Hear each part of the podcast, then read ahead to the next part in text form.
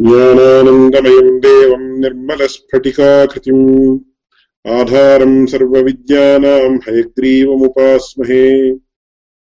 श्रीहयग्रीवाय नमः।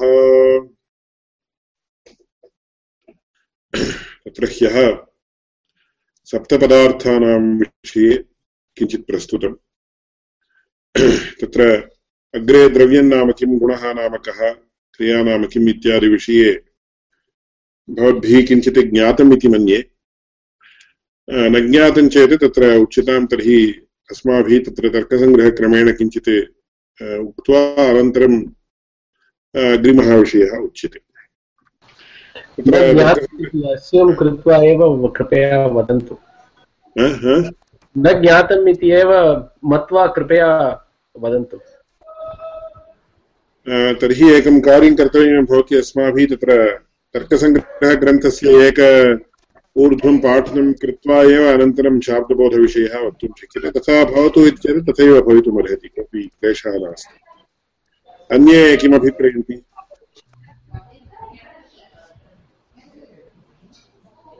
मम तत्र कापि अनुपपत्तिः नास्ति। अन्येषाम् अभिप्रायः कथमस्ति इति सूच्यते चेत् तदनुगुणं कर्तुं शक्यते।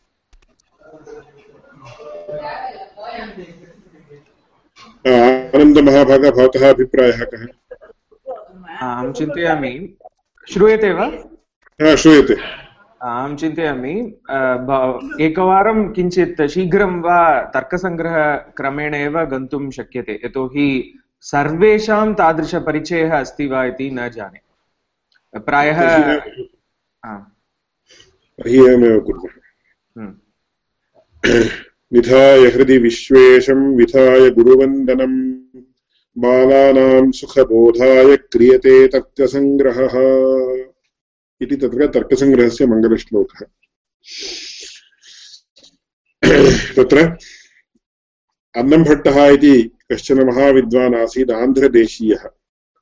सप्तदशशताब्द्यामासीत् इति तत्र श्रूयते।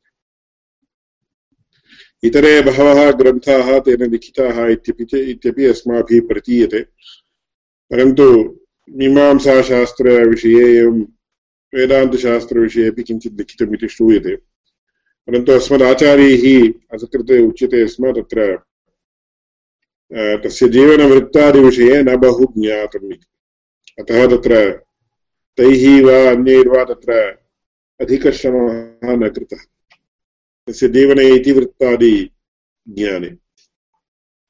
परन्तु तत्र तर्कसङ्ग्रहः इति एकं ग्रन्थं लिखित्वा सः अजरः अमरश्च जातः इति सर्वेपि अङ्गीकुर्वन्ति।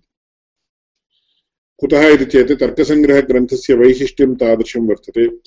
यत् तत्र आरम्भे, शास्त्रस्य आरम्भे शास्त्राध्ययनारम्भे सर्वेषां शास्त्र विद्यार्थिनां कृते तत्र तर्कसङ्ग्रहः एव पाठ्यते। स्म सम्प्रत्यपि प्राचीनक्रमे ये पठन्ति तेषां कृते तर्कसङ्ग्रहः एव पाठ्यते अन्यदेकं वैशिष्ट्यं वर्तते यत् तत्र। आरम्भे तर्कसङ्ग्रहस्य पाठः। एवं तत्र नवीनन्यायशास्त्रं वा भवतु, प्राचीनन्यायशास्त्रं वा भवतु, सर्वं पठित्वा अन्ते पुनः तर्कसङ्ग्रहस्य पाठः इति। इति चेत् उपक्रमः अपि तर्कसङ्ग्रहग्रन्थादेव उपसंहारोऽपि तर्कसङ्ग्रहग्रन्थे एव। इति चेत् प्रथमं प्रमेयादिकं कथं वर्तते इत्यादि ज्ञानं तर्कसङ्ग्रहात् भवति। एवं सर्वं परीक्ष्य, सर्वं विमृश्य, अन्ते किम् अवस्थितम् इत्य तर्कसङ्ग्रहग्रन्थस्य विषयः अवस्थितो भवति। अतः तत्र आरम्भेपि तर्कसङ्ग्रहः एव पाठ्यते अन्तेपि तर्कसङ्ग्रहः पाठ्यते इति चेत् कोऽर्थः तत्र? तर्कसङ्ग्रहे यदुक्तं तत्सर्वं तथैव अवतिष्ठते इत्येतत् तत्र इतरवादिभिः तत् न अपाकर्तुं शक्यते, न निराकर्तुं शक्यते इत्यस्मिन् अर्थे अस्माभिः स्वीकर्तव्यम्।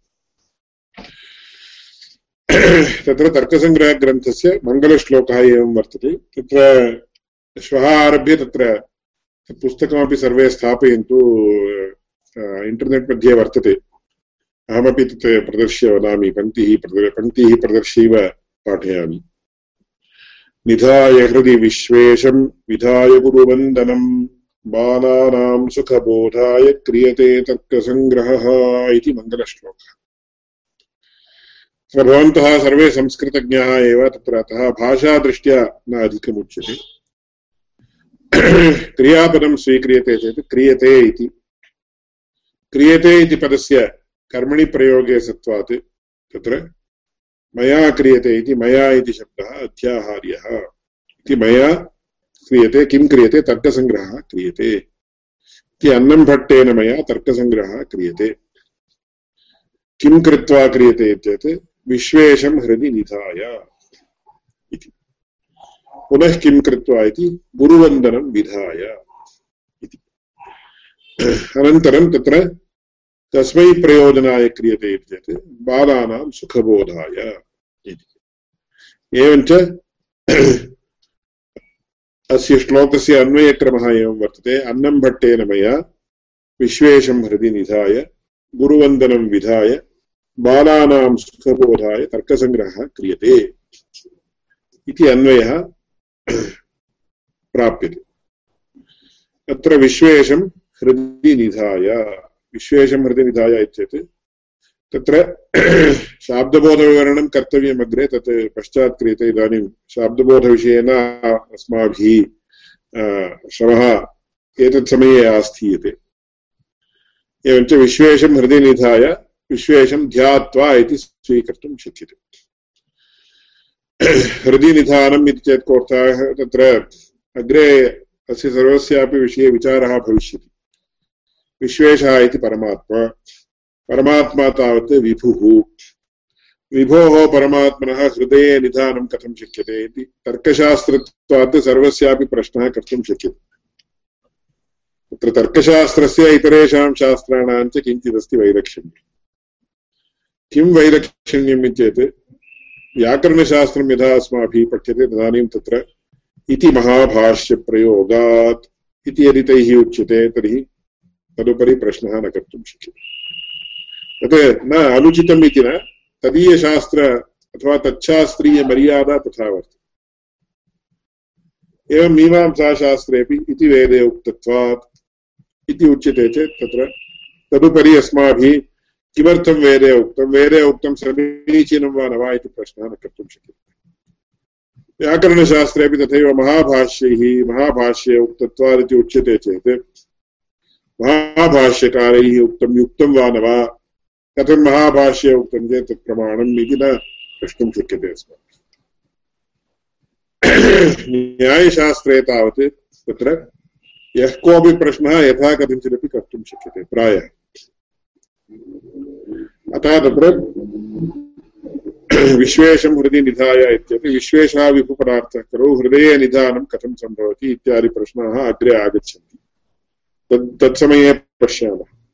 एवञ्च विश्वेशः नाम तत्र काशीक्षेत्राधिनाथः विश्वनाथः इति।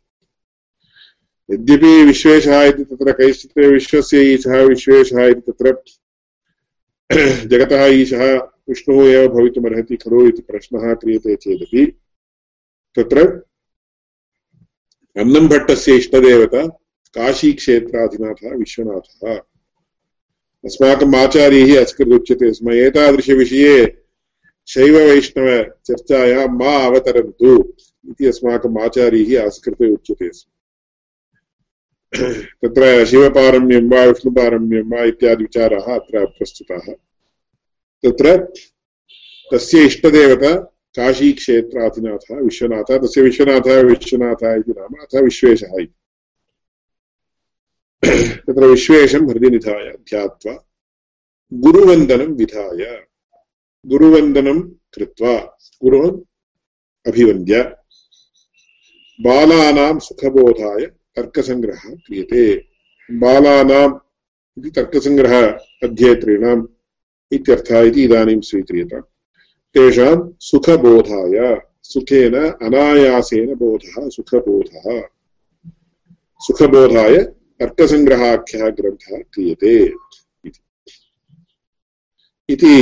यथा यथाश्रुतार्थः इति संस्कृतभाषायाम् उच्यते। यथाश्रुतार्थः नाम एकस्य वाक्यस्य श्रवणेन यः अर्थः तत्र सहजतया ज्ञायते, भाषा ज्ञानिनां, तादृशार्थः सम्यक् ज्ञायते।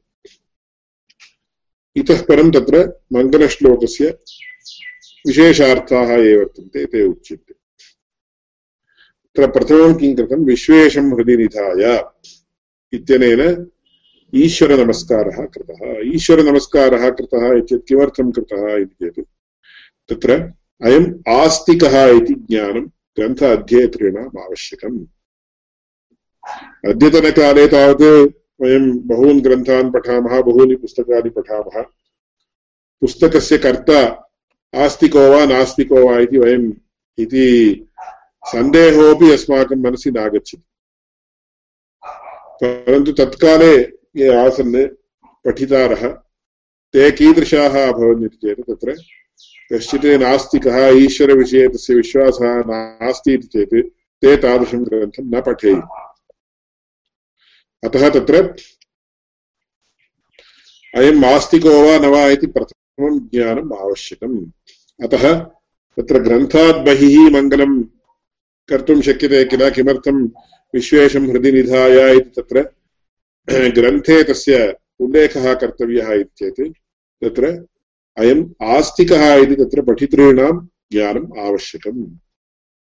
पठितॄणाम् अयम् आस्तिकः इति ज्ञानमस्ति चेदेव ते इमं ग्रन्थं पठेयुः। अतः तत्र कुतः उच्यते इति चेत् जयन्तभट्टः इति कश्चन महाविद्वान् न्यायमञ्जरी इति ग्रन्थम् उद्ग्रन्थं महाग्रन्थं लिखितवान्। तादृश न्यायमञ्जरी सः विस्तरेण नास्तिकैः सह वादं करोति। तत्र वादकरणानन्तरं सः किं करोति इति चेत् तत्र ये त्वीश्वरं दृढ किमपि आगच्छति श्लोकं, सिद्धस्वरूपमपि नाभ्युपयन्ति मूढाः। पापाय तैः सह कथापि वितन्यमाना जायेत नूनमिह युक्तमतो विरन्तुम् इति वदति सः। ये परमात्मानं नाङ्गीकुर्वन्ति, तैः सह वार्तालापकरणमपि न युज्यते इति सः वदति। अतः तत्र नास्तिका, नास्तिकैः सह वाक्यार्थः, वादा, वादकरणमपि न युक्तम् इति तस्य मनसि आसीत् तत्काले। एवमेव प्रकृतेपि अयं नास्तिकः इति यदि तत्र ज्ञानं पठितॄणां भवेत्, तदानीं ता तत्काले ग्रन्थान् न पठेयुः नास्तिकादीनाम् अतः अयं न नास्तिकः, किन्तु आस्तिक एव इति तत्र ज्ञापनार्थं विश्वेशं हृदि निधाय इति ईश्वरनमस्कारं ग्रन्थतः निबध्नाति। ततः परं गुरुवन्दनं विधाय। गुरुवन्दनं विधाय इति चेत् कोऽर्थः? गुरोः वन्दनं कृत्वा।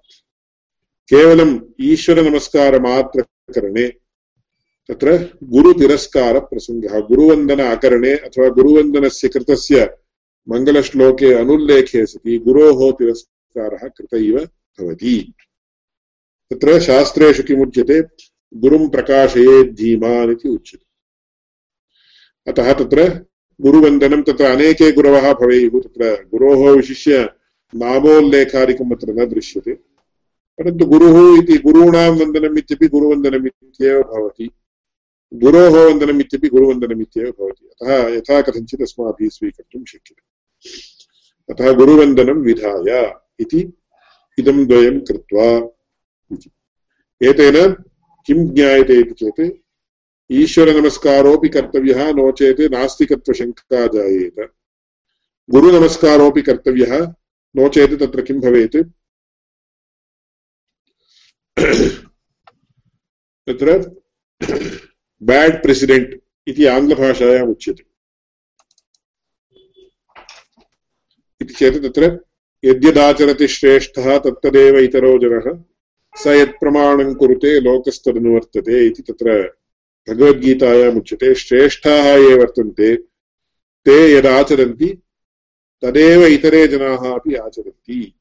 इदानीम् अन्नं भट्टः महाविद्वान् प्रथमतः तस्य ग्रन्थः पठनीयः इति यदा वयं बालान् प्रति वदामः। तदानीं किं भवति? तैरेव गुरुनमस्कारः न कृतः अस्माभिः कुतो वा कर्तव्यम् इति बालाः अपि पृच्छेयुः। अतः तत्र गुरुवन्दनं विधाय इति गुरुवन्दनमपि तत्र मङ्गलश्लोके योजितम्। ततः परम् उत्तरार्धेन अनुबन्धचतुष्टयं सूचितम् श्रीभाष्यग्रन्थ प्रवचनसन्दर्भे अपि इदं सर्वं सूचितमस्ति तत्र। अनुबन्धः इति चेत् शिष्यप्रवृत्तिप्रयोजकज्ञानविषयः अनुबन्धः अनुबन्धः इत्येतत् तत्र अनुसृत्य बन्धः ग्रन्थम् अनुसृत्य यः विषयः वक्तव्यः, सः विषयः इति चेत् तत्र अनुबन्धो नाम कः इति प्रश्ने कृते यथा मया उक्तं शिष्यप्रवृत्तिप्रयोजकज्ञानविषयः। इति चेत् इदानीम् अहं मम ग्रन्थं पश्यामि। तत्र एकः ग्रन्थः वर्तते। तस्य स्तुतिरत्नमाला इति नाम। इदानीम् अहमिमं ग्रन्थं पठामि न वा? इति चेत्। अथवा भवद्भिः पठ्यते वा न वा इति साधारणतया उत्तरं किमुच्यते इच्छा अस्ति चेत् पठ्यते नो चेत् न पठ्यते तथा नास्ति अत्र इदानीम् उदाहरणार्थम् इदानीम् अहं संस्कृतशिक्षकः अथवा संस्कृत अध्यापकत्वेन नियुक्तः कश्चन संस्कृतविद्यार्थी इति चिन्त्यताम् एरोस्पेस् इञ्जिनियरिङ्ग् विषये किमपि पुस्तकं वर्तते तत् अहं पठामि वा एरोस्पेस् इञ्जिनियरिङ्ग् वा मम न सम्बद्धं किमर्थं तत्र। अहं न पठामि इति वदामि। अथवा तत्र फिशरीस् विषये किमपि पुस्तकं वर्तते। मत्स्यानां सङ्ग्रहः कथं कर्तव्यः इति किञ्चित् वर्तते। तेषां तत्र समुद्रे अन्यत्र वा कथं तेषां ग्रहणं कर्तव्यम् इति। एव मा, मास्तु मास्तु अस्य अस्माकं न सम्बद्धः इति अतः तत्र मम तत्र न केवलं प्रवृत्तिः न जाता किञ्च निवृत्तिरपि जायते।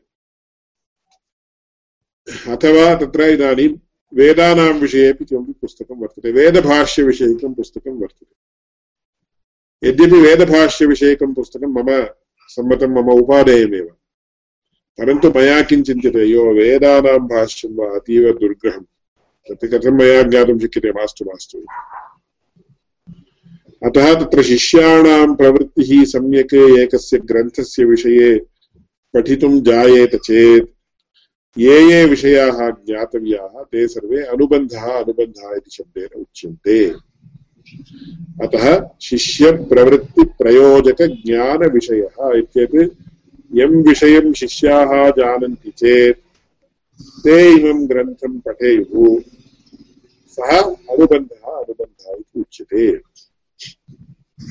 अतः शिष्यप्रवृत्तिप्रयोजकज्ञानं शिष्यप्रवृत्तिप्रयोजकं यत् ज्ञानं चेत् यः विषयः ज्ञायते चेत् शिष्याणां तद्विषये प्रवृत्तिः, तद्ग्रन्थविषये पठनप्रवृत्तिः जायते। सः विषयः अनुबन्धः इति उच्यते। एवञ्च अनुबन्धाः कति इति चेत् अनुबन्धाः चत्वारः। विषयः प्रयोजनम् अधिकारी सम्बन्धश्चेति। विषयः नाम तत्र ग्रन्थस्य प्रतिपाद्यो विषयः। ग्रन्थे यं विषयम् अधिकृत्य प्रस्तावः वर्तते, सः विषयः विषयः इत्युच्यते। द्वितीयः प्रयोजनं। कस्मै प्रयोजनाय अयं ग्रन्थः विरच्यमानः वर्तते। कीदृशप्रयोजनाय इदम् अयं ग्रन्थः विरच्यते इति प्रश्नस्य उत्तरं यत् तदेव प्रयोजनम्। एवम् अधिकारी। इमं ग्रन्थं पठितुं कः अधिकारी? इति। आङ्ग्लभाषायां टार्गेट् आडियन्स् इति उच्यते। To whom are you targeting this book is it for high school students is it for college students or is it for postgraduate or doctoral or postdoctoral? एवं प्रश्नाः क्रियन्ते। तद्वदेव अत्रापि टार्गेट् आडियन्स् कः? इति टार्गेट् आडियन्स् इत्यस्य विषयः अधिकारी इति उच्यते। अनन्तरं सम्बन्धः। भवद्भिः किमर्थम् अयं ग्रन्थः विरच्यमानः अस्ति? अन्नं भट्टेन इदानीम् अहम् एरोस्पेस् इञ्जिनियरिङ्ग् विषये एकं पुस्तकं लिखामि इति चेत् भवन्तः किं कुर्वन्ति? हास्यं प्रकटयन्ति। ए, किं, भवान् कथं तद्विषये लिखितुं प्रभवति? भवान् किं जानाति तद्विषये? अतः तत्र ग्रन्थस्य ग्रन्थकर्तुः च यः सम्बन्धः वर्तते, सः प्रतिपाद्यप्रतिपादकभावः, सः एव सम्बन्धः सम्बन्धः इति उच्यते। एवञ्च इदानीम् उत्तरार्धेन तस्य मङ्गलश्लोकस्य उत्तरार्धेन अनुबन्धचतुष्टयं सूचितम्। किमिति? विषयः कः?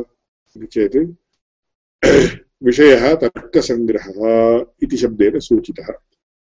तत्र प्राचीनव्याख्यासु तर्कसङ्ग्रहपदस्य कथं विवरणं कुर्युः इति चेत् तत्र तर्क्यन्ते, प्रतिपाद्यन्ते इति तर्काः, द्रव्यादिपदार्थाः।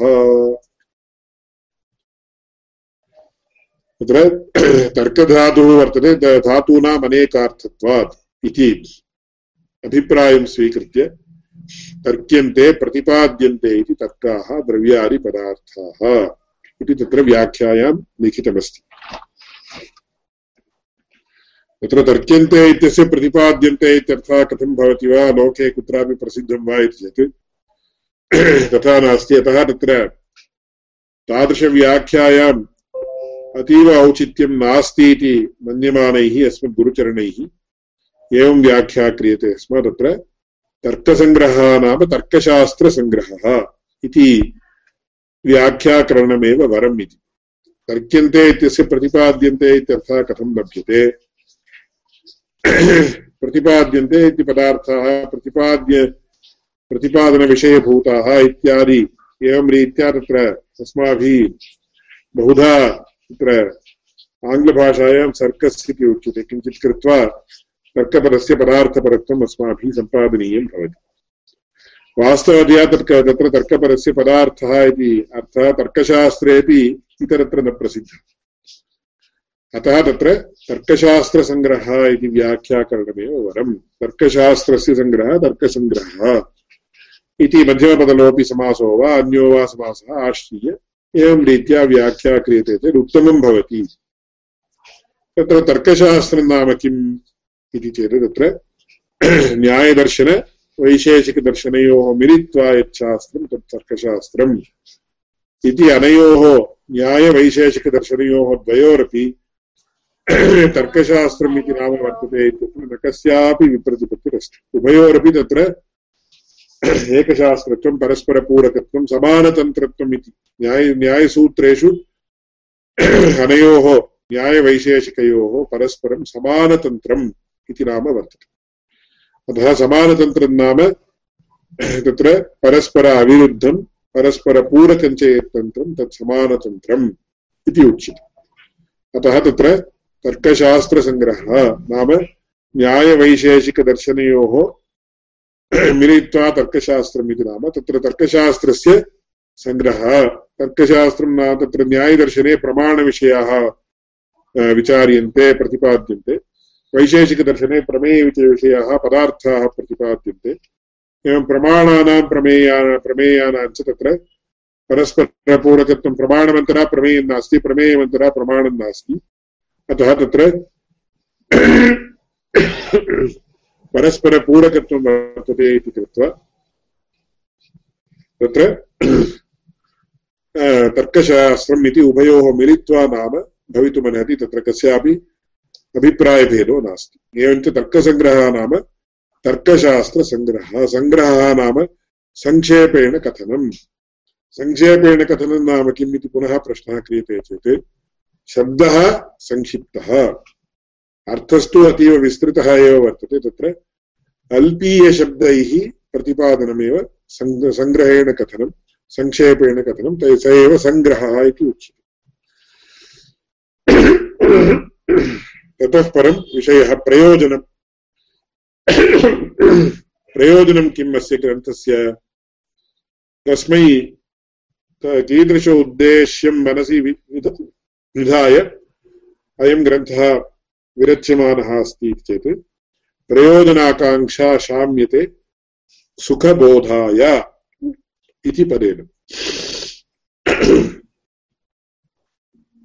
सुखबोधः नाम कः सुखेन अनायासेन बोधः, सुखबोधः। बोधः नाम ज्ञानम्। इति चेत् आयासं विना श्रमं विना, क्लेशं विना, तत्र तर्कशास्त्र, तर्कशास्त्रसम्बन्धिनः ये विषयाः वर्तन्ते, तर्कशास्त्रे प्रतिपादिताः ये विषयाः वर्तन्ते, ते सर्वे अत्र अतीव सुलभतया ज्ञातुं शक्यन्ते। तत्रैव प्रश्नः क्रियते, तर्हि सुखबोधाय अयं ग्रन्थः क्रियते चेत् इतरेषु ग्रन्थेषु एतादृशसुखबोधः अनायासेन बोधः नास्ति। तत्र इतर जगदीशतर्कालङ्कारेण तर्कामृतम् इति ग्रन्थः वर्तते। एवं तर्कभाषा इति वरदराजाख्येन महाविदुषा कृतः ग्रन्थः वर्तते। एवम् इतरे बहवः प्रकरणग्रन्थाः वर्तन्ते। तत्र एतेषां प्रकरणग्रन्थानाम् अपेक्षया तर्कसङ्ग्रहः सर्वापेक्षया उत्तमः कुतः? तेषु तर्कसङ्ग्रहग्रन्थेन यावत् सुखबोधः जायते, तथा सुखबोधः तैः ग्रन्थैः न जायते। तस्मात् तत्र सुखबोधाय अयं ग्रन्थः एव समाश्रयणीयः इति अन्नम्भट्टस्य अभिप्रायः। सः अभिप्रायः वास्तवश्च वर्तते इति इदानीम् अस्माभिः ज्ञायते। विषयः प्रयोजनम् इति अंशद्वयं संवृत्तम्। अधिकारी अधिकारी इति तत्र मीमांसाशास्त्रे तावत् कर्मजन्यफलस्वामी अधिकारः फले स्वाम्यम् अधिकारी च तत्प्रभुः इति उच्यते। तत्र इदानीं मीमांसाशास्त्रप्रक्रियायां ज्योतिष्टोमेन स्वर्गकामो यजेत इति तत्र वाक्यं, वैदिकं वाक्यं श्रूयते। तत्र ज्योतिष्टोमयागस्य अधिकारी कः इति सन्देहे आगते, स्वर्गकामो यदेत इति स्वर्गकामः इति तत्र उत्तरम् आगच्छति इति चेत् स्वर्गकामः, यः स्वर्गं कामयते, यः स्वर्गम् इच्छति, सः स्वर्गकामः इति उच्यते। एवञ्च स्वर्गकामः अधिकारी इति चेत् अधिकारः फले स्वाम्यम्। स्वर्गकामः एव ज्योतिष्टोमयागं कर्तुं तत्र अधिकारी भवति चेत् कोऽर्थः? स एव कर्तुम् अर्हतां प्राप्तवान् अस्ति। यः स्वर्गकामः न स्वर्गकामः, तेन ज्योतिष्टोमयागः न कर्तव्यः। अतः स्वर्गविषयककामनावान् यः, स एव एतादृशयागम् अनुष्ठातुम् अर्थ अर्हः। अतः अधिकारः फले एवं तत्र फलं कस्य गच्छति? अनन्तरं साङ्गज्योतिष्ठोमयाग अनुष्ठानेन फलं कस्य गच्छति इति चेत्, यः स्वर्गकामो भूत्वा एतस्य यागस्य अनुष्ठानं कृतवान्, स एव तत्र स्वर्गं गच्छति, स्वर्गं प्राप्नोति। एवमेव चित्रे आयुधेत पशुकामः इत्यादि। अतः तत्र अधिकारः फले स्वाम्यम् अधिकारी च तत्प्रभुः इति तत्र उक्तम् एवञ्च प्रकृते तत्र तर्कसङ्ग्रहं पठितुम् अधिकारिणः के इति चेत् बालानाम् इति शब्देन अस्य प्रश्नस्य उत्तरं दत्तम् बालाः नाम के इति चेत्? तत्र बालाः इति पञ्चवर्षीयाः उच्यन्ते, द्विवर्षीयाः उच्यन्ते। एकवर्षीयः अपि बालः बालकः इति उच्यते। ते अत्र अधिकारित्वेन निर्दिष्टाः वा इति चेत् न। तत्र बालाः इति पारिभाषिकं पदम्। पारिभाषिकं पदं नाम किम्? टेक्निकल् टर्म् यथा इदानीं पवर् इति उच्यते। पवर् इति उच्यते चेत् तत्र सामान्यतः तत्र पवर् इत्येतत् बहुधा अर्थः भवति। तत्र पोलिटिकल् field मध्ये राजकीयक्षेत्रे does the president have the powers to appoint the prime minister इति चेत् डस् हि हेव् दि पवर्स् इति चेत् कोऽर्थः तत्र अर्थः अन्यः the power supply is off इति उच्यते चेत् अर्थः अन्यः एवं रीत्या तत्र हि इस् वेरि पवर्फुल् इति उच्यते चेत् अन्यः अर्थः तत्र एका बृहती शिला अस्माभिः आरोपणीया शिरसा उपरि चेत्।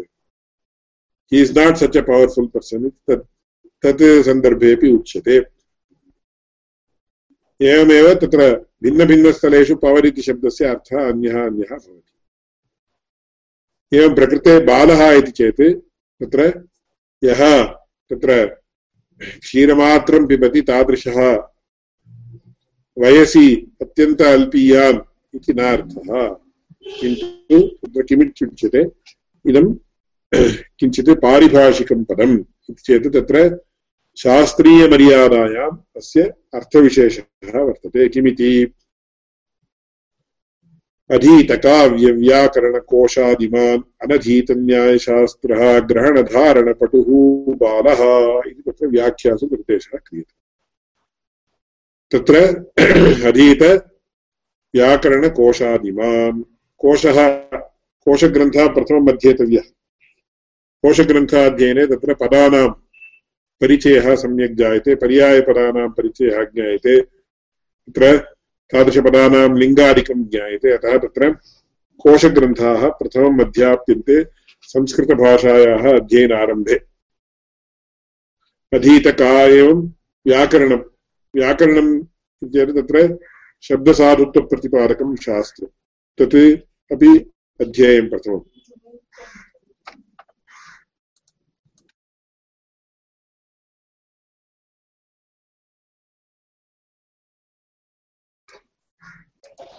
एवं तत्र काव्य, काव्यादिकमपि अध्ययनं किमर्थम् इत्येतत्? काव्य काव्य, काव्यं किमर्थम् अध्येयं? व्याकरणशास्त्रे प्रोक्तानां नियमानां लक्ष्यं काव्ये लभ्यते अतः तत्र लक्ष्यैकचक्षुष्काः वैयाकरणाः इति कुत्रचित् सन्दर्भान्तरे उच्यते। लक्ष्यज्ञानमन्तरा लक्षणज्ञानं न प्रतिष्ठितं भवति। एवं लक्षणज्ञानमन्तरा लक्ष्यज्ञानमपि न प्रतिष्ठितं भवति इति एकदृष्ट्या वक्तुं शक्यते। अतः तत्र लक्षणम् इति व्याकरण तमिळ् भाषायां तावत् इलक्कणम् इत्येव उच्यते लक्षणस्य। व्याकरणस्य। तस्य इलक्कणम् इत्युक्ते लक्षणम् इत्येव। लक्षणं नाम व्याकरणशास्त्रं। तत्र तमिळ् भाषायाः इलक्कणं करीमा इति प्रश्नाः प्रश्नं कुर्वन्ति चेत् व्याकरणशास्त्रम् इत्यर्थः। अतः अधीत, काव्य, व्याकरणकोशादिमान्। अनधीतन्यायशास्त्रः व्याकरणशास्त्रं न्याय, तत्र काव्यादिकम् एवं कोशादिकम्। एतत् सर्वं येन अधीतम्। एवं तत्र अनधीतन्यायशास्त्रः यः न्यायशास्त्रं न अधीतवान्, किन्तु जिज्ञासुरु वर्तते। एवं ग्रहणधारणपटुः। ग्रहणसामर्थ्यं सम्यक् स्यात्, धारणसामर्थ्यं सम्यक् स्यात्, स एव बालः बालः इति उच्यते। एतादृश अर्हता यस्मिन् वर्तते, सः अशीतिवर्षीयश्चेदपि सः बालः इत्येव उच्यते। अतः तत्र बालानां सुखबोधाय। अतः एतादृशः बालः न तु स्तनन्धयः इति व्या, व्याख्यासु एवं लिख्यते। एतादृशबालानां सुखबोधाय तर्कसङ्ग्रहाख्यः ग्रन्थः क्रियते। क्रियते इत्यनेन मया क्रियते इति अध्याहारः क्रियते चेत्। तत्र ग्रन्थग्रन्थकर्त्रोः कः सम्बन्धः? प्रतिपाद्यप्रतिपादकभावः सम्बन्धः। ग्रन्थः प्रतिपादकः प्रतिपाद्यः ग्रन्थकर्ता अन्नम्भट्टः प्रतिपाद प्रतिपादकः इति। किमर्थं प्रतिपाद्यप्रतिपादकभावसम्बन्धः इति वक्तव्यम् इति चेत्, तत्र प्रतिपादनं नाम किम् इति चेत् तत्र आङ्ग्लभाषायाम् उच्यते अथारिटेटिव्लि टेलिङ्ग् सम्थिङ्ग् इदानीं कस्य कस्मिंश्चित् विषये कः अथारिटेटिव्लि भाषितुं प्रभवति इति चेत्। यः तद्विषये अत्यन्त अभिज्ञः वर्तते, सः अथारिटेटिव्लि भाषितुं तदानीं तैः उच्यते यथा इदानीं तत्र ऐन्स्टीन् महाशयेन एव उक्तं फिसिक्स् विषये इति उच्यते चेत्। ओ, ऐन्स्टीन्, ऐन्स्टीन्स् थियरि सर्वम् अङ्गीक्रियते यद्यपि तत्र सैन्स् मध्ये उच्यते theory is holds good only until it is disproved इति। परन्तु इदानीं सर्वैः ऐन्स्टीन् थियरि अङ्गीकृतत्वात् ऐन्स्टीन् महाशयेन उक्तम् इत्येतत् Einstein he has got uh, 500 citations or 1000 citations. Therefore we have to accept इति अङ्गीः इति चेत् तत्र अथारिटेटिव्लि सः वक्तुं प्रभवति इत्यर्थः एवं प्रतिपादनम् इति चेत् सम्यक् तत्र कथनं यत्र अन्यथा ज्ञानविपरीतज्ञानादीनाम् अवकाशः नास्ति। तथा कथनम्, एवम् इतरे प्रश्नाः कुर्वन्ति चेदपि तादृशप्रश्नानां यः उत्तरं दातुं प्रभवति सम्यक् तथा यथा क्रियते तदानीं प्रतिपाद्यते। तत्र उच्यते। अतः तत्र अन्नम्भट्टस्य तादृश न्यायशास्त्रविषये अथवा तर्कशास्त्रविषये महापण्डितत्वात् तत्र सः इमं ग्रन्थं रचितवान् इति चेत् तस्य ग्रन्थस्य लेजिटिमेसि आगच्छति। प्रामाण्यम् आथेण्टिसिटि आगच्छति। अत एव तत्र तिरुप्पावै ग्रन्थः पाठ्यते तत्र वक्तृवैशिष्ट्यम् इति प्रथमम् उच्यते। सम्प्रदायग्रन्थ व्याख्यानावसरे एवं तत्सर्वं सार्वत्रिकं वक्तृवैशिष्ट्य अज्ञाने अस्माभिः सः ग्रन्थः न पठ्यते। ओ, एतादृशमहाविद्वान् लिखितवान् चेत् ओ, तर्हि सः उत्तमः इति अस्माभिः पाठ्यते इति चेत् तत्र महाजनैः परिगृह्यते सः। अतः तत्र इदानीं वेदानां किमर्थं तावत् प्रामाण्यं दीयते अस्माभिः चेत् साक्षात् भगवन्मुखात् अवत तत्र आगतम्, आगताः वेदाः तस्मात् वेदानां परमं प्रामाण्यम् इति अस्माभिः उच्यते। तद्वत् तत्र ग्रन्थग्रन्थकर्त्रोः प्रतिपाद्यप्रतिपादकभावः सम्बन्धः इति एवञ्च विषयः प्रयोजनम् अधिकारी सम्बन्धः इति एते चत्वारः अंशाः, उत्तरार्धेन सूचिताः, एते चत्वारः अंशाः अनुबन्धचतुष्टयम् इति उच्यन्ते। अनुबन्धो नाम शिष्यप्रवृत्तिप्रयोजकज्ञानविषयः इति। एवञ्च पश्यन्तु, एकस्मिन् मङ्गलश्लोके कति विषयाः अत्र अन्तर् अन्तर्गामिताः अथवा अन्तर्भाविताः? सामान्यतः वयं पश्यामश्चेत्, तत्र, किं तत्र, एकः अनुष्टुप् श्लोकः वर्तते विधाय हृदि विश्वेशं, विधाय गुरुवन्दनं, बालानां सुखबोधाय क्रियते तत्र सम्यक् अस्ति सम्यक् अस्ति इति उक्त्वा अग्रे गच्छामः।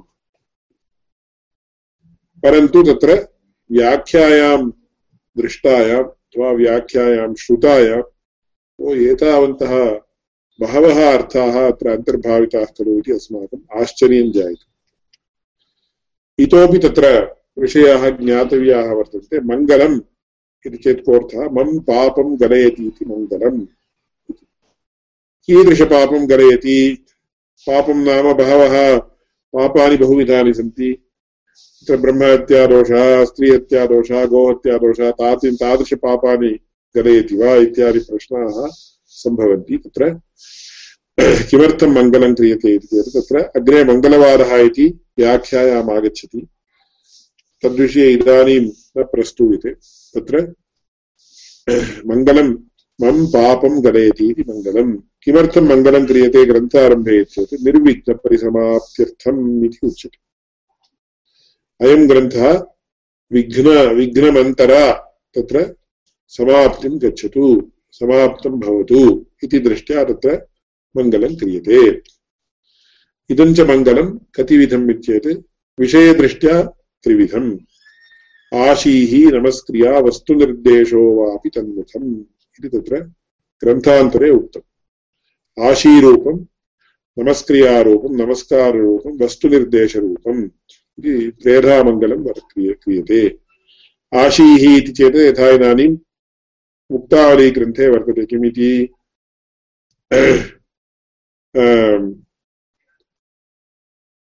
चूडामणीकृतविदुः फलयीकृतवासुकी भवः, भव्याय भवो भवतु भव्याय लीलाताण्डवखण्डितः इति वर्तते। चूडामणीकृतविदुः चेत् चन्द्रं चूडामणित्वेन धृतवान्, एवं वलयीकृतवासुकी वासुकिं सर्पं वलयत्वेन, हस्ताभरणत्वेन धृतवान्। एवं लीलाताण्डवपण्डितः लीलया ताण्डवाख्यं नृत्यं करोति यः भवः, शिवः, सः भव्याय भवतु। सः अस्माकं मङ्गलं मातनोतु इति उच्यते चेत् आशीरूपमिति आशीर्वादरूपम्। एवं नमस्काररूपम् इदमेव। विश्वेशं विधाय हृदि विश्वेशम् इति नमस्काररूपं कदाचित् वस्तुनिर्देशरूपं वस्तुनिर्देशरूपम् एवं रीत्या मया क्रियते। अतः इदं वस्तुनिर्देशरूपमित्यपि अस्माभिः स्वीकर्तुं शक्यते, नमस्काररूपमित्यपि स्वीकर्तुं शक्यते इति एवं मङ्गलश्लोके, मङ्गलश्लोकः कथम् आरचनीयः, तत्र तदीयविषयः सब्जेक्ट् मेटर् किं स्यात् इति विषये अनन्तरं तत्र standards, they have laid down some standards, आङ्ग्लभाषायां लौकिकभाषया वक्तव्यं चेत्। तत्र मङ्गलश्लोके किं कर्तव्यम् इति इदानीम् अहं नूतनतया ग्रन्थं रचयामि। मया किं कर्तव्यम् इति चिन्तायां। मङ्गलश्लोके आशीनमस्क्रिया वस्तुनिर्देशो वापि तन्मुखम् इति उच्यते। अतः तत्र एवं रीत्या एतेषु त्रिषु अन्यतमः विषयः तत्र अवश्यं भवेत्। त्रयः अपि विषयाः अपि भवितुमर्हन्ति। एवं तत्र मङ्गले स्तूयमाना देवता कीदृशी इति चेत् तत्र इष्टदेवता, समुचितदेवता समुचित इष्टदेवता इति इष्टदेवता इति मम इष्टदेवता या वर्तते तस्याः देवतायाः तत्र स्तोत्रादिकं मया कर्तुं शक्यते। नो चेत् समुचितदेवता इति। तस्य विषयस्य या अधिष्ठातृदेवता वर्तते। यथा आयुर्वेदस्य धन्वन्तरिः, सङ्गीतस्य सरस्वती इत्येवमादिरीत्या क्रियते चेत् इष्टदेव समुचितदेवता इति उच्यते। कदाचित् इष्टदेवता, समुचितदेवता च एका एव भवति चेत् कोइन्सिडेन्स्। उभयोः देवतयोः ऐक्ये तदानीं समुचितदे, समुचितेष्टदेवता नमस्कारात्मकं मङ्गलम् इति वदन्ति। यथा इदानीं तस्य सरस्वती समुचितदेवता सङ्गीतग्रन्थं लिखति। समुचितदेवता सरस्वती एवम् इष्टदेवता अपि सरस्वती एव चेत्। तदानीं सरस्वत्याः स्तोत्रं क्रियते चेत् मङ्गल मङ्गलश्लोके तदानीं समुचितेष्टदेवता नमस्कारात्मकं मङ्गलम् इति वदन्ति। इति एवं रीत्या तत्र मङ्गलम् अत एव तद्विषये अन्यः एकः विषयः विस्मृतः। मम पापं गलयति इति मङ्गलम् इत्येत् पाप पापं नाम अत्र ग्रन्थसमाप्तिप्रतिपाधिक प्रतिपा प्रति प्रतिबन्धकं किञ्चित् तत्र विघ्नः इति उच्यते। कथं विघ्नाः भवन्ति इति चेत्। तत्र बाणभट्टः कादम्बरीग्रन्थं रचितुं प्रारब्धवान्, विस्तरेण मङ्गलमपि कृतवान्, परन्तु सः ग्रन्थम् अपूरयित्वा एव दिवङ्गतः। एवं वयमपि वदामः, मया मया किञ्चित् लिखितम् अर्धे, अर्धभागे, तत्रैव तिष्ठति इदानीं ग्रन्थः न पूरितः इति। तत्र नानाकारणवशात् विघ्नाः सम्भवितुमर्हन्ति गृहकृत्यनिमित्तं मया सर्वं लेखनादिकं त्यक्तम् इति केचित् वदन्ति। तत्सर्वं तत्र विघ्नः विघ्नः इति शब्देन उच्यते। विघ्नो नाम समाप्तिप्रतिबन्धकदुरितविशेषः। समाप्तिप्रतिबन्धकपापविशेषः इदं सर्वं तर्कसङ्ग्रहव्याख्यासु वर्तते। किमर्थं वदामि चेत् मया भूयो भूयः उच्यते, एकमपि पदं विवरणरहितं न भवति, न भवेत्, न भविष्यति। तर्कशास्त्रविषये अतः तत्र विघ्नो नाम समाप्तिप्रतिबन्धकदुरितविशेषः एवञ्च विघ्नरहिततया यदि अस्माभिः ग्रन्थसमाप्तिः कर्तव्यः अथवा ग्रन्थसमाप्तिर्जायेत तदानीं तत्र विघ्ननिवारणार्थं पा तत्र मङ्गलं कर्तव्यं, मङ्गलम् अनुष्ठेयम्। इदं युक्तं वा न वा इत्येव मङ्गलवादः इति अग्रे व्याख्यायां विरच्यते। तत् बहु विस्तरेण वर्तते। प्रथमतः मणिग्रन्थे, तत्त्वचिन्तामणिग्रन्थे रङ्गेशोपाध्यायेन प्रारब्धम्। मङ्गल मङ्गलाचरणं पूर्वमपि आसीदिति ज्ञायते, कुतः चेत् महाभाष्ये उच्यते। मङ्गलादीनि, मङ्गलमध्यानि, मङ्गलान्तानि च शास्त्राणि प्रथन्ते भवन्त्यायुष्मत्पुरुषकाणि इत्यादि वाक्यं तत्र वर्तन्ते। तत्र मङ्गलादीनि, मङ्गलमध्यानि, मङ्गलान्तानि च शास्त्राणि प्रथन्ते इति तत्र वर्तते। पाणिनिसूत्रेपि तत्र मङ्गलं कृतं, कथं कृतं?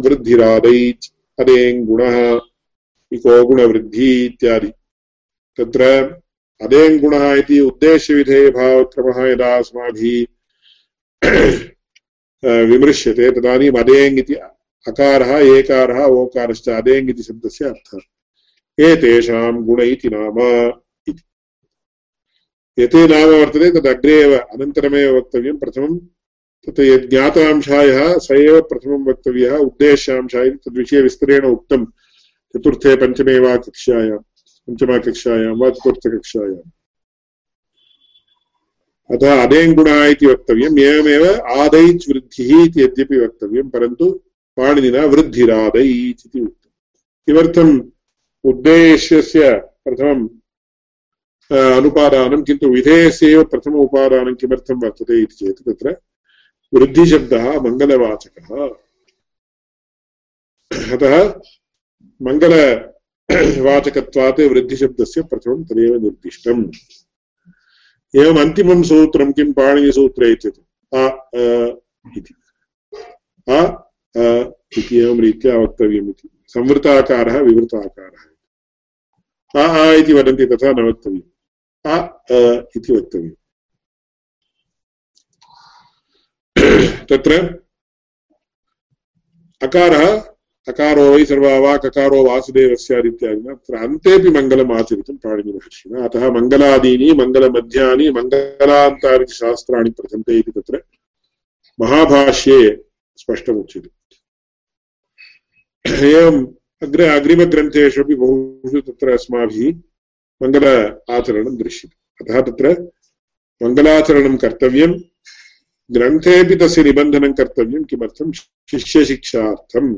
इति अग्रे व्याख्यासु लिख्यते तद्विषये इदानीं न अधिकमुच्यते एवञ्च विधाय हृदि विश्वेशं विधाय गुरुवन्दनं, बालानां सुखबोधाय क्रियते तर्कसङ्ग्रहः। इति तत्र मङ्गलश्लोकस्य अर्थः विशेषार्थश्च उक्तः। इतोपि मङ्गलश्लोक अर्थः बहवः बहुधा विवृतुं शक्यते। व्याख्याश्च तद्वर्तते, परन्तु प्रकृते एतावत्पर्यन्तम् अस्माभिः ज्ञायते चेत् तत् अलम् इति अहं मन्ये। तत्र एतावदुक्त्वा अद्यतनकक्षा अत्र समाप्यते। प्रश्नाः केऽपि सन्ति चेत् प्रष्टुं शक्यन्ते। पुनः अग्रिमकक्षा तावत् भानुवासरे स्यादिति मन्ये।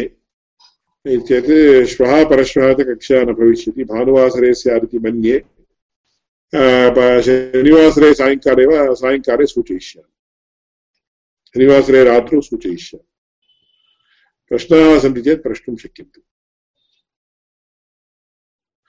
अद्य अन्यदपि प्रमोदस्थानं वर्तते यत् त्रयः ब्रह्मचारिणः वटवः पराशरगुरुकुलात् उपस्थिताः तेपि प्रत्यहं कक्ष्यां प्रति आगच्छन्तु शृण्वन्तु प्राक्तनकक्ष्याः अपि दृष्ट्वा तत्रत्य विषयान् अपि अवगच्छन्तु इति तेषां सविधे निवेदय प्रश्नाः सन्ति चेत् प्रष्टुं शक्यन्ते। तत्र एकः ग्रन्थः व्याख्यानरूपेण विद्याधरी इति नूतनग्रन्थः अस्ति इति मया श्रुतं। तस्मिन् विषये किमपि वदति वा इत्युक्ते भवतः अभिप्रायः अस्ति वा? विद्याधरी व्याख्या मया न दृष्टा। तत्र कृपया तत् प्रेषयन्तु तद् दृष्ट्वा वदामि। तर्कसङ्ग्रहग्रन्थस्य पञ्चाशदधिकाः व्याख्याः वर्तन्ते। यतोहि तत्र डयग्राम् रूपेण किमपि प्रदर्शितम् इति श्रुतं मया अतः एव। मया पुस्तकं न दृष्टम् अथवा दृष्टं चेदपि न स्मर्यते सम्प्रति। भवतां सविधे तत्र प्रतिः अस्ति चेत् प्रेष्यताम्। तदानीम् अहं तद् दृष्ट्वा मदीय अभिप्रायं वक्ष्यामि। अस्तु। अनन्तरम् अन्यप्रश्नः नास्तिकैः सह अपि अस्माकं वादः प्रचलति सामान्यतया। तर्कशास्त्रं वा भवतु यत्किमपि भवतु कश्चन नास्तिकः यदि ग्रन्थं लिखति तर्हि तेन सह अपि वादः कर्तव्यः एव इत्यादि। किन्तु अत्र मङ्गलश्लोकस्य प्रयोजनत्वेन तु सः सः आस्तिकः इति वक्तुम् अपि सः मङ्गलश्लोकं रचयति इति भवता उक्तं तत्र मम प्रश्नः सूचना दत्ता इति। तत्र तु प्रायः एवं स्वीकर्तुं शक्यते वा इत्युक्ते प्रमा प्रामाणिकग्रन्थः अथवा प्र प्रमाण प्रमाणं प्रामाण्यम् अत्र अस्ति इति वयं स्वीकर्तुं शक्नुमः। अन्यथा यः कोऽपि किमपि लेखितुं शक्नोति एव इति।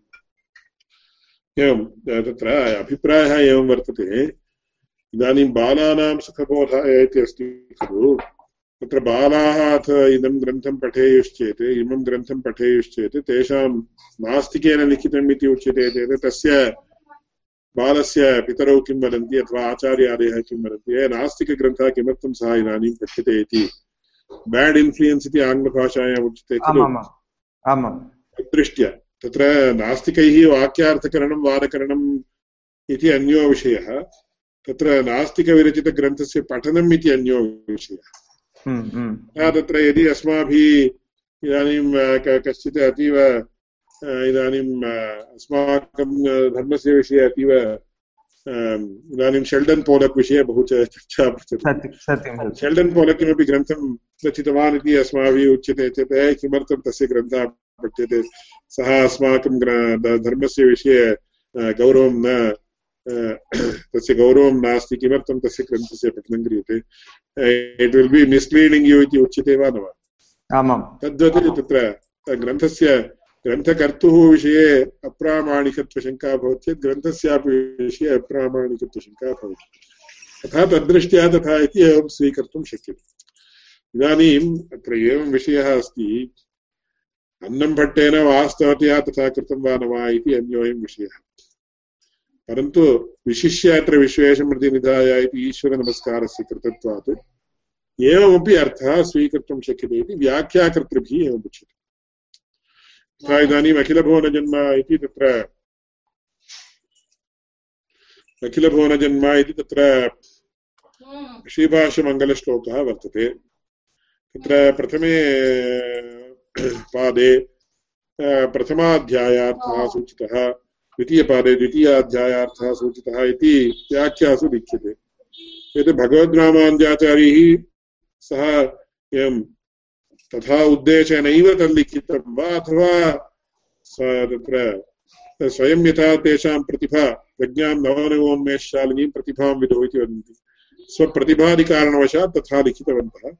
परन्तु यदा तत् वयं विश्लिष्य पठामः, यदा वेन् वि अनलैस् तदानीम् अस्माभिः किं ज्ञायतो यत्र प्रथमाध्यायार्थः द्वितीय एकैकस्मिन् पादे एकैकस्मिन् अध्यायस्य अर्थाः सङ्गृहीताः दृश्यन्ते इति अस्माभिः व्याख्यायाः अवकाशः वर्तते। तत्सर्वं मनसि तथा कृतं वा ग्रन्थकर्त्रा इति तत्र न अस्माभिः इदानीं वक्तुं शक्यते। कुतः वदामि चेत् इदानीं मया एव कश्चन श्लोकः ग्रन्थे रचितः दिनत्रयात् पूर्वं तदानीं मम पत्न्या उक्तं अयं श्लोकः पठ्यते चेत् एवमपि भावः आगच्छति खलु तथा भावः तादृशभावेन मया न कृतं, परन्तु तादृशभावः मम सम्मतः अस्ति। इति चेत् मया अज्ञात्वा एव तादृशशब्दनिवेशः तत्र कृतः। परन्तु तस्य व्याख्या एवमपि अतीव युज्यते खलु, अस्य शब्दस्य अत्र निवेशः एतादृशदृष्ट्यापि युज्यते खलु इति। यदा अन्येन अन्यया वा उक्तं तदानीं सन्तोषः जायते ओ एवं वास्तवं एवं रीत्या कथं मया रचितम् इति अतीव साधारणः अहमेव एवं मम एव एतादृशविषये किञ्चित् भवति चेत् तत्र अन्नम्भट्टादयः अतीव महाविद्वांसः तेषां तत्र श्लोकस्य एवं व्याख्याकरणे अतीव तत्र स्वारस्यं वर्तते इति ज्ञातुं शक्यते तदपेक्षया अवतारपुरुषाः भगवद्रामानुजादयः अथवा तत्र ऋषयः किञ्चित् वदन्ति चेत् तत्र अपरोक्षज्ञानिनः ते तत्र एवं व्याख्या यदि क्रियते तत्र अस्माभिः विशिष्य बहुधा तत्र अर्थाः ज्ञापयितुं शक्यन्ते अतः विषयः एवमस्ति भवतां प्रश्नस्य उत्तरम् आगतं वा आमाम् इतोपि लघुप्रश्न प्रश्नद्वयम्। एकः तु प्रतिपादकप्रतिपाद्यसम्बन्धः अस्ति इति सर्वदा सर्वत्र उच्यते। तद् तु कामन् इति अस्ति इति कारणात् तत् किमर्थं पुनः पुनः वक्तव्यम् इति मम प्रश्नः। तद् अस्यूम्ड् इति वयं स्वीकर्तुं शक्नुमः किल? तत्र अनुबन्धः इति यदा उच्यते तदानीं तदेव तद्विषये मया उक्ते सर्व सर्वत्र प्रतिपाद्य प्रतिपादकभावः वर्तते चेदपि तत्र अन्नं भट्टस्य प्रतिपाद प्रतिपादक प्रतिपादकः अन्नं भट्टः इति यदा उच्यते तदानीं तस्य अर्थविशेषः वर्तते। इदानीम् अहं ग्रन्थम् अहं किमपि ग्रन्थं रचयामि। तदानीं ग्रन्थस्य मम च प्रतिपाद्यप्रतिपादकभावसम्बन्धः वर्तते एव भवद्भिः उक्तरीत्या। परन्तु तत्र प्रतिपादनम् इति चेत् तत्र अत एव मया तत्र विवरणावसरे उक्तम् अथारिटेटिव्लि सेयिङ्ग् सम्थिङ्ग् प्रतिपादनम् इति। कथनम् इत्याद्यपेक्षया प्रतिपादनम् इति शब्दस्य अस्ति वैशिष्ट्यम्। तत्र अथारिटेटिव्लि सेयिङ्ग् सम्थिङ्ग् इत्येतत् अहम् अथारिटेटिव्लि वक्तुं प्रभवामि वा इत्येतत्। अहम् अत्यन्तसाधारण मनुष्यः अस्मि, किञ्चित् किञ्चित् मया किञ्चित् पठितं तावदेव। अन्नं भट्टः तु तत्र तत्र विद्वत्पारावारपारीणः इति शब्दादिकम् उपयुज्यते। अथवा कृतभूरिपरिश्रमः, कृतपर्याप्तपरिश्रमः इति। तादृशविद्वान् यदा करोति तदानीं तदानीमेव तस्य प्रतिपादनम् इति शब्दप्रयोग अर्हता आगच्छति। नो चेत् तत्र कथनम् इत्यादिशब्दाः अपि उच्यन्ते। अतः तेषां विषये सः शब्दः सार्थकः भवति। इदानीम् अतीव करुणाळुः इति वदामि। इदानीम् अहं तत्र मार्गे कमपि श्वानं पश्यामि। मम करुणा आगच्छति अतः अहम् आಳ್वार् इति परमकारुणिकः इति वक्तुं शक्यते वक्तुं शक्यते। परमकारुणिकः महर्षिः, परमकारुणिकः भगवद्रामानुजः इति वा तादृशाः, तादृशानां विषये परमकारुणिकः इत्यादि शब्दानां सार्थकत्वं वर्तते।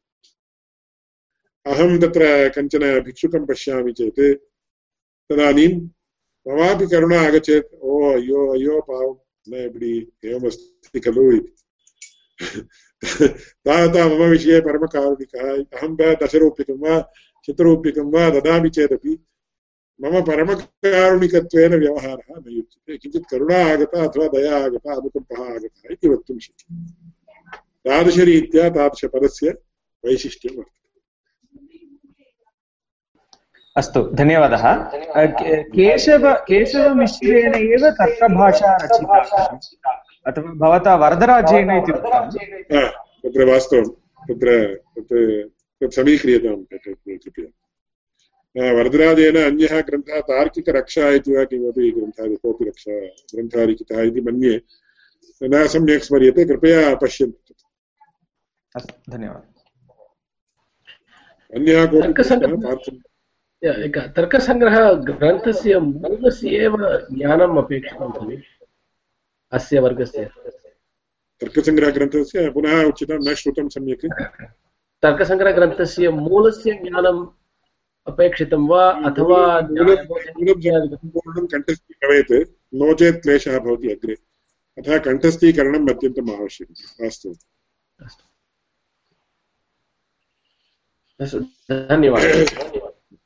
विधाय हृदि सर्वैः उच्यताम् विधाय हृदि विश्वेशं विधाय गुरुवन्दनम् बालानां सुखबोधाय क्रियते तर्कसङ्ग्रहः। ज्ञानानन्दमयं देवं निर्मलस्फटिकाकृतिम्। आधारं सर्वविद्यानां हयग्रीवमुपास्महे। श्रीहयग्रीवाय नमः।